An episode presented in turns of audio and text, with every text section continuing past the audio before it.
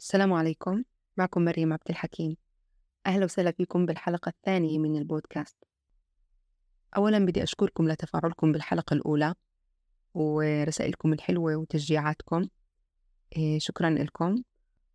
وبتمنى فعلا البودكاست يكون ملهم ويساعد إنه يجعل تجربة الأمومة أسهل وأيسر.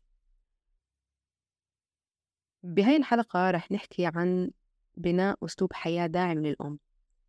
إحنا معتادين إنه نفكر ما دام أنا بدي تربية جيدة أو تجربة أمومة جيدة فأنا بحاجة إني آخذ معلومات. آخذ معلومات تربوية آخذ آليات تربوية أدخل دورات أقرأ كتب أسمع محاضرات. وأنا بعتقد إنه هذا جزء من من نجاح تجربة الأمومة إنه يكون عندي الوعي يكون عندي العلم يكون عندي الخبرة. لكن هو مش الإشي الوحيد. والإشي اللي بيصير إنه الأم تدخل من دورة لدورة من كتاب لكتاب في مجال تربية الأطفال. وعندها فعلا معلومات كثيرة وغنية ومع ذلك ما بتشعر بالرضا. ومع ذلك بتشعر إنه في شيء زيادة أنا لازم أعمله. ممكن من أحد الأسباب موضوع المثالية اللي ذكرناه في الحلقة الأولى لكن كمان بعتقد إنه تجربة الأمومة مش متعلقة بس بالمعلومات والوعي اللي أنا بمتلكه. إنما بتجربتي عموما بأسلوب حياتي. في كثير مؤثرات طبعا اللي بتأدي لنجاح أو استمتاعنا بتجربة الأمومة أو شعورنا بالرضا في هاي التجربة. وأحد هاي الأمور اللي رح نركز عليها بهاي الحلقة هو بناء أسلوب حياة داعم. بناء أسلوب حياة اللي يدعم أمومتنا يدعم تطورنا يدعم مشاعرنا. يدعم وجودنا لأنه تجربة الأمومة مش منفصلة عن حياتنا ككل. وللأسف صار في فصل بين دورنا كأمهات وبين أدوارنا الأخرى بين شو لازم نعمل بين قوسين كأمهات وشو لازم نعمل بأدوارنا الأخرى. صار في صراع صراع بين هوية الأم وهوية الزوجة هوية الأم وهوية العاملة هوية الأم وهوية الطالبة. هوية الأم وهوية الابنة هوية الأم وهوية الفنانة الرسامة اللي عندها هوايات. وكأنه أي إشي بدنا نعمله أي إشي بدنا نقوم فيه الأمومة تمنعنا منه. في حين استمتاعنا بأمومتنا هو في بناء نمط حياة اللي بيوازن بين هاي الأمور اللي ما بتكون في الأمومة مثل قطعة بزن موجودة بصورة مختلفة تماما. إنما الأمومة ومعها مجالات أخرى من حياتنا تكون حياتنا وتبني صورة متناغمة. يمكن مش متوازنة وإلنا حديث طويل عن موضوع التوازن ومعنى التوازن في حياتنا كأمهات لكن خلينا نكون متناغمة. بتشبه روحنا بتشبه قيمنا بتشبه الشيء اللي بدنا نبنيه. ما بيكون في تناقض بين أدوارنا كأمهات وأدوارنا الأخرى. والمفارقة هي إنه أحد الأشياء اللي بتساعدنا إنه إحنا نكون أمهات جيدات هو إنه نشتغل على حالنا بمحلات تانية غير الأمومة. نتطور وننمو بالمجال اللي إحنا متخصصات فيه بمهنة اللي إحنا بنمتلكها بصحتنا بعاداتنا الشخصية بثقافتنا. وللأسف الفخ اللي نقع فيه كأمهات إنه منبلش كل إشي نحوله لشيء متعلق بالأمومة. بمعنى فجأة ثقافتنا المتعددة والواسعة اللي بنقدر نوسعها بعدة محلات بعدة مجالات بدنا نحصرها فقط بتربية الأطفال. بدنا نحصرها فقط بالعناية بالأطفال. وهذا الشيء أنا بسميه قوقعة الأمومة. إنه حياتنا كلياتها تلف وتدور حول هذا الدور. حياتنا كلياتها تصير إنه إحنا بس أمهات. إنه كل شيء أنا بدي أعمله لازم أفكر بتبعات هذا الأمر على الأمومة. مش غلط نفكر بتبعات الأشياء اللي نعملها على الأمومة لكن كمان نفكر بشكل أوسع كيف ممكن هاي الأشياء اللي بنفعلها حتى لو ما كان إلها علاقة بالأمومة بشكل مباشر لكن إلها تأثير إيجابي على تجربتنا في الأمومة. كثير كان يصلني رسائل على إنستغرام انصحينا بكتب أو محاضرات حول التربية إيش أفضل المصادر للتربية؟ وأنا بجاوب هون وبكل بساطة إنه أفضل المصادر للتربية هي أي مصدر بنمينا وبيطورنا كأمهات. حتى لو كان الموضوع ما إله علاقة بالأمومة فهو رح يساعدنا إنه نكون أمهات أفضل. رح يعطينا آليات حتى في التربية. لأنه التربية مش بس نتعامل مع مشاعر الغضب التربية مش بس نتعامل مع الخلافات بين الإخوة التربية مش بس فطام التربية مش بس تحضير للروضة أو تحضير للصف الأول التربية مش بس التعامل مع المشاعر المختلفة التربية هي تحضير الطفل لحياة كاملة لتحديات في الحياة. فأي شيء متعلق بحياتنا عموما أي شيء نعرفه تجاه أي مجال من حياتنا هو رح يساعدنا نكون أمهات أفضل. سواء قرأت كتاب عن المال سمعت محاضرة متعلقة بالفلك اشتركت في دورة عن إدارة الأعمال سمعت بودكاست عن الأكل الصحي أشياء ملهاش علاقة بالأمومة ويمكن لما نعملها نفكر إنه إحنا ما بنعمل شيء منيح تجاه الأمومة أو يمكن بنضيع وقتنا بأشياء اللي لازم نعمل أشياء أهم تجاه دورنا الأول كأمهات. لكن لما أنا أقرأ عن المال مثلا فأنا بساعد ابني ببناء علاقة جيدة مع المال لاحقا. بساعد ابني إنه يكون عنده تصورات جيدة عن المال مثلا. بساعد ابني إنه يستثمر يعرف كيف يتعامل مع المال يعرف كيف يضبط نفسه في الشراء يعرف يضع الأولويات. لما أنا أسمع محاضرة عن الفلك ممكن يكون فرصة إني أعلم ابني عن التفكر في مخلوقات الله عز وجل. فرصة إنه لما ابني يسألني سؤال عن الفلك يكون عندي الجواب. فرصة إني أعلمه مفهوم الجمال أو استشعار النعم أو استشعار التفاصيل الصغيرة وال... والجمال في الكون. فأي معلومة إحنا بنمتلكها إحنا ممكن نحولها لصالح أمومتنا في التربية. فإذا أنت بتدوري دايما على المصدر الأفضل الكتاب الأفضل المحاضرة الأفضل الدورة الأفضل لتكوني أم جيدة تذكري إنه أي شيء بيطورك بيساعدك تكوني أم جيدة. حتى لو ما كان له علاقة جدا جدا مباشرة في التربية. على المستوى الصحي لما إحنا نبني نمط حياة صحي لما إحنا نبني عادات صحية في الرياضة في الأكل في النوم في الحركة أولا إحنا بنكون بنينا نموذج اللي طفلنا ممكن يقلده وأسهل على الطفل إنه يقلد الشيء اللي بيشوفه من إنه حدا يقول له إنه لازم نعمل هاي الأشياء. فلما الطفل يشوف هذا النموذج أنا ببرر له رسالة أقوى من مجرد إني أطلب منه يعمل هاي الأشياء. والمفارقة أيضا إنه بالذات مجال الصحة له علاقة جدا جدا مباشرة بتجارب الأمومة. مثل تجربة الحمل تجربة الولادة تجربة الرضاعة. لأنه كل هاي الأشياء إلها علاقة بصحتنا إلها علاقة بحركتنا.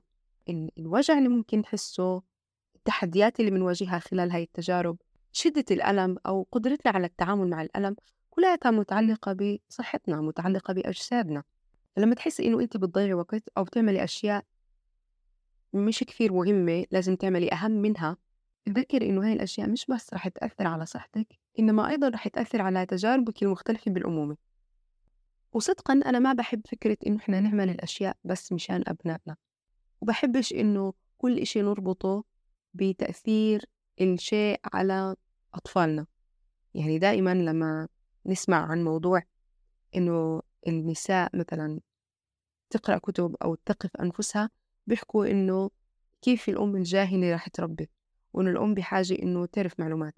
إحنا لازم نعرف معلومات ولازم نكون مثقفات ولازم نطور من أنفسنا مش لإنا أمهات لإنا بشر.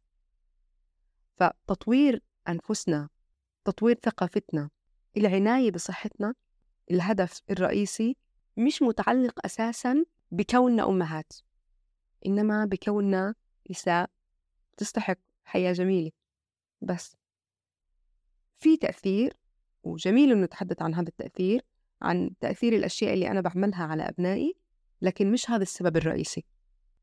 فعنايتي بصحتي أو اهتمامي بثقافتي مش متعلق أساسا بكوني أم إنما متعلق بكوني إنسانة بدها تتطور. لأنه المرأة اللي ما أنجبت أو المرأة اللي ما تزوجت هل هذا يعني إنه هي ثقافتها وعنايتها بنفسها تضيع للوقت؟ هل الهدف الرئيسي بالآخر بس إنه إحنا نعطي هذا الشيء لأبنائنا؟ طيب الله عز وجل ما رح يسألنا عن عن صحتنا ما رح يسألنا عن اعتناءنا بأنفسنا ما رح يسألنا عن تطوير لذاتنا كل هاي الأشياء اللي نفعلها هي أساسا تقرب لله عز وجل هي أساسا إظهار لله عز وجل إنه إحنا نفعل لأنفسنا نفعل لأجسادنا نفعل لعقولنا نفعل لروحنا أفضل ما يمكن لأنه الله عز وجل سيسألنا عنها. فالأساس مش إحنا بنعمل هاي الأشياء مشان الأبناء مبدئيا إنما إحنا بنشوف تأثير هذا الشيء على الأبناء. وحتى لاحظوا إنه لما حكيت عن الصحة مثلا حكيت أيضا عن تأثير الصحة على تجاربنا إحنا. في الحمل وفي الولادة. مش تجارب أبنائنا لاحقا. نعم أبنائنا رح يقلدونا لكن في أيضا تأثير لتجربتي أنا بالأشياء المتعلقة بالأمومة. فنفكر كيف ممكن نجعل عاداتنا اليومية كيف ممكن نجعل حياتنا ككل داعمة لأمومتنا. مش بتكون بمحل صراع مع أمومتنا مش بتكون كأنه إما هذا أو ذاك. بلاحظ أحيانا إنه لما يحكوا عن عمل المرأة دائما يقال هل يمكن إنه أنا أكون أم جيدة رغم إني عاملة؟ هل ممكن أنا أعطي أحسن ما عندي لأبنائي مع إني أنا بشتغل؟ وأنا بدي أسأل سؤال هل ممكن أكون عاملة جيدة مع كوني أم؟ فهل يمكن إنه ندمج بين الدورين ندمج بين الوظيفتين؟ نبني حياة تشبه أمومتنا مش متعارضة معها. نبني حياة متناغمة. نبني حياة بتشبهنا بتشبه روحنا بتشبه شخصيتنا. وبعتقد إنه في كثير أشياء ممكن نحكي عنها في موضوع العمل وعن إنه العمل اليوم مش مخصص للنساء ومش مهيأ للنساء بالذات الأمهات. لأنه طبيعتنا إحنا كأمهات وطبيعة النساء عموما حتى لو كانوا أمهات أو لا مختلفة عن طبيعة الرجال. فهذا العمل اللي من الصباح الباكر حتى ساعات المساء مناسب لرجل ورجل أعزب حتى. يعني كان في مقال بيحكي عن إنه العمل اليوم مش لا يدعم الأمومة فقط إنما أيضا لا يدعم العائلة. العمل ما بحط العائلة كأولوية. فكرة إنه أنت تصحى الصبح تروح آخر الليل لمدة خمس أيام وين موقع العائلة بهي الصورة؟ لذلك بنظري أحد الأشياء اللي تمنع الأم من بناء عادات إيجابية لنفسها هو إنها بتطلع على الأمومة كمناقضة للأدوار الأخرى. فدايما بنسمع ما عنديش وقت كل الوقت للأبناء وين ممكن أعمل هاي الأشياء. كأننا ما بنقدر نتصور هاي العادات جزء من يومنا. فمثلا أعمال البيت إحنا ما بنعتبرها مناقضة لتجربة الأمومة مع إن إحنا بحاجة لوقت للعناية بأطفالنا لتربية أطفالنا للانتباه إلهم. لكن كمان بقدرة قادر بصير في عنا وقت إنه نطبخ بصير عنا وقت إنه نهتي بالبيت. والعناية في البيت والطبخ والتنظيف وكل هاي الأمور مش متعلقة بالأمومة هي عناية في البيت. هي جزء من تج... من تجربتنا كأمهات لكن هي مش متعلقة بالأمومة أساسا. فكيف إحنا بنلاقي وقت لهي الأشياء؟ كيف إحنا بنلاقي وقت إنه نعمل كعك؟ كيف إحنا بنلاقي وقت إنه نطبخ؟ كيف إحنا بنلاقي وقت إنه نقلب البيت أحيانا؟ لساعات. وما بشعر إنه هذا الأمر متناقض مع الأمومة إنما هو جزء منها. ممكن في بعض الأحيان نلحق ممكن في بعض الأحيان نأجل بعض الأمور لكن أنا بحكي عن الصورة العامة عن عن حياتنا ككل. ما بحكي عن إنه والله يوم تأجل شغل البيت مشان أنا التهيت مع الولد أو بسبب الرضاعة أو بسبب كذا. إنما أنا بحكي عن الحياة عموما التجربة العامة. إحنا ما بنطلع على أعمال البيت كأنها مناقضة لتجربة الأمومة. لذلك بالآخر إحنا بنعملها. يعني مع كل ال الكلام مؤخرا عن إنه الطفل أولى من البيت والبيت تشجيع على موضوع كركبة البيت بغض النظر هذا مش موضوعنا ويمكن عليه حديث طويل. لكن بالآخر بالآخر إحنا بنعتبر إنه هاي من مهامنا.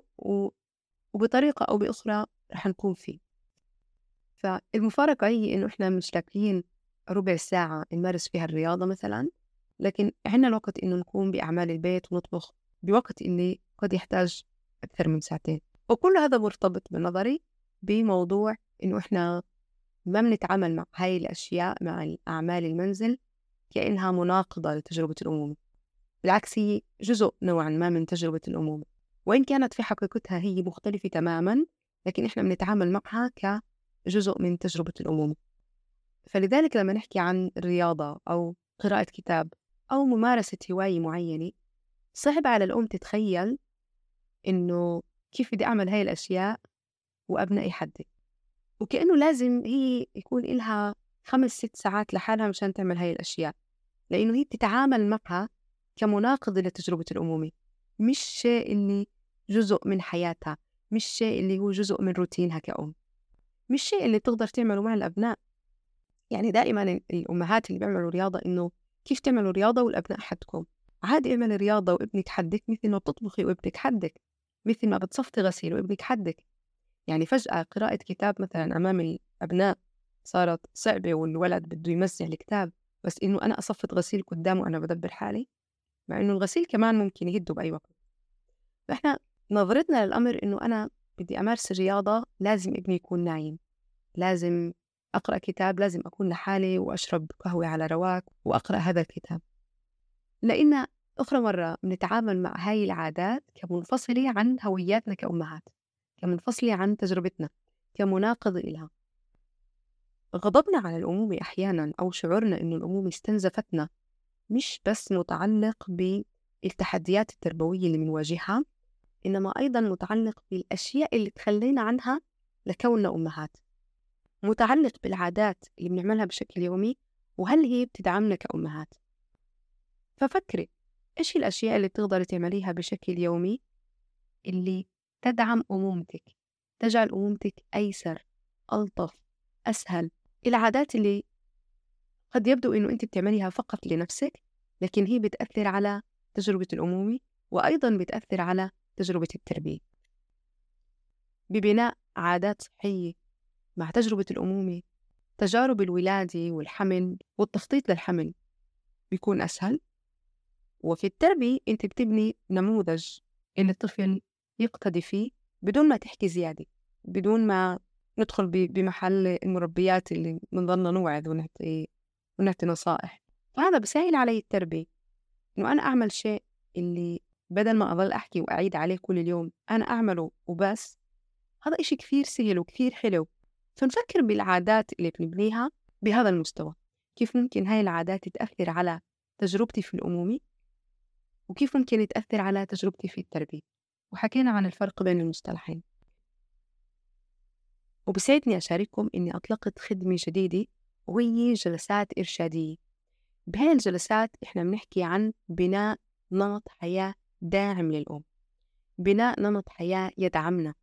نمط حياة يجعل تجربة الأمومة أسهل وأيسر وألطف.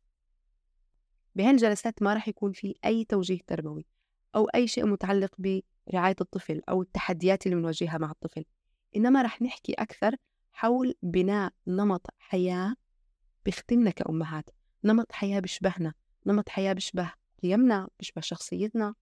لأنه صار في نوعا ما تكرار لشكل الأم اللي بدنا نكونها.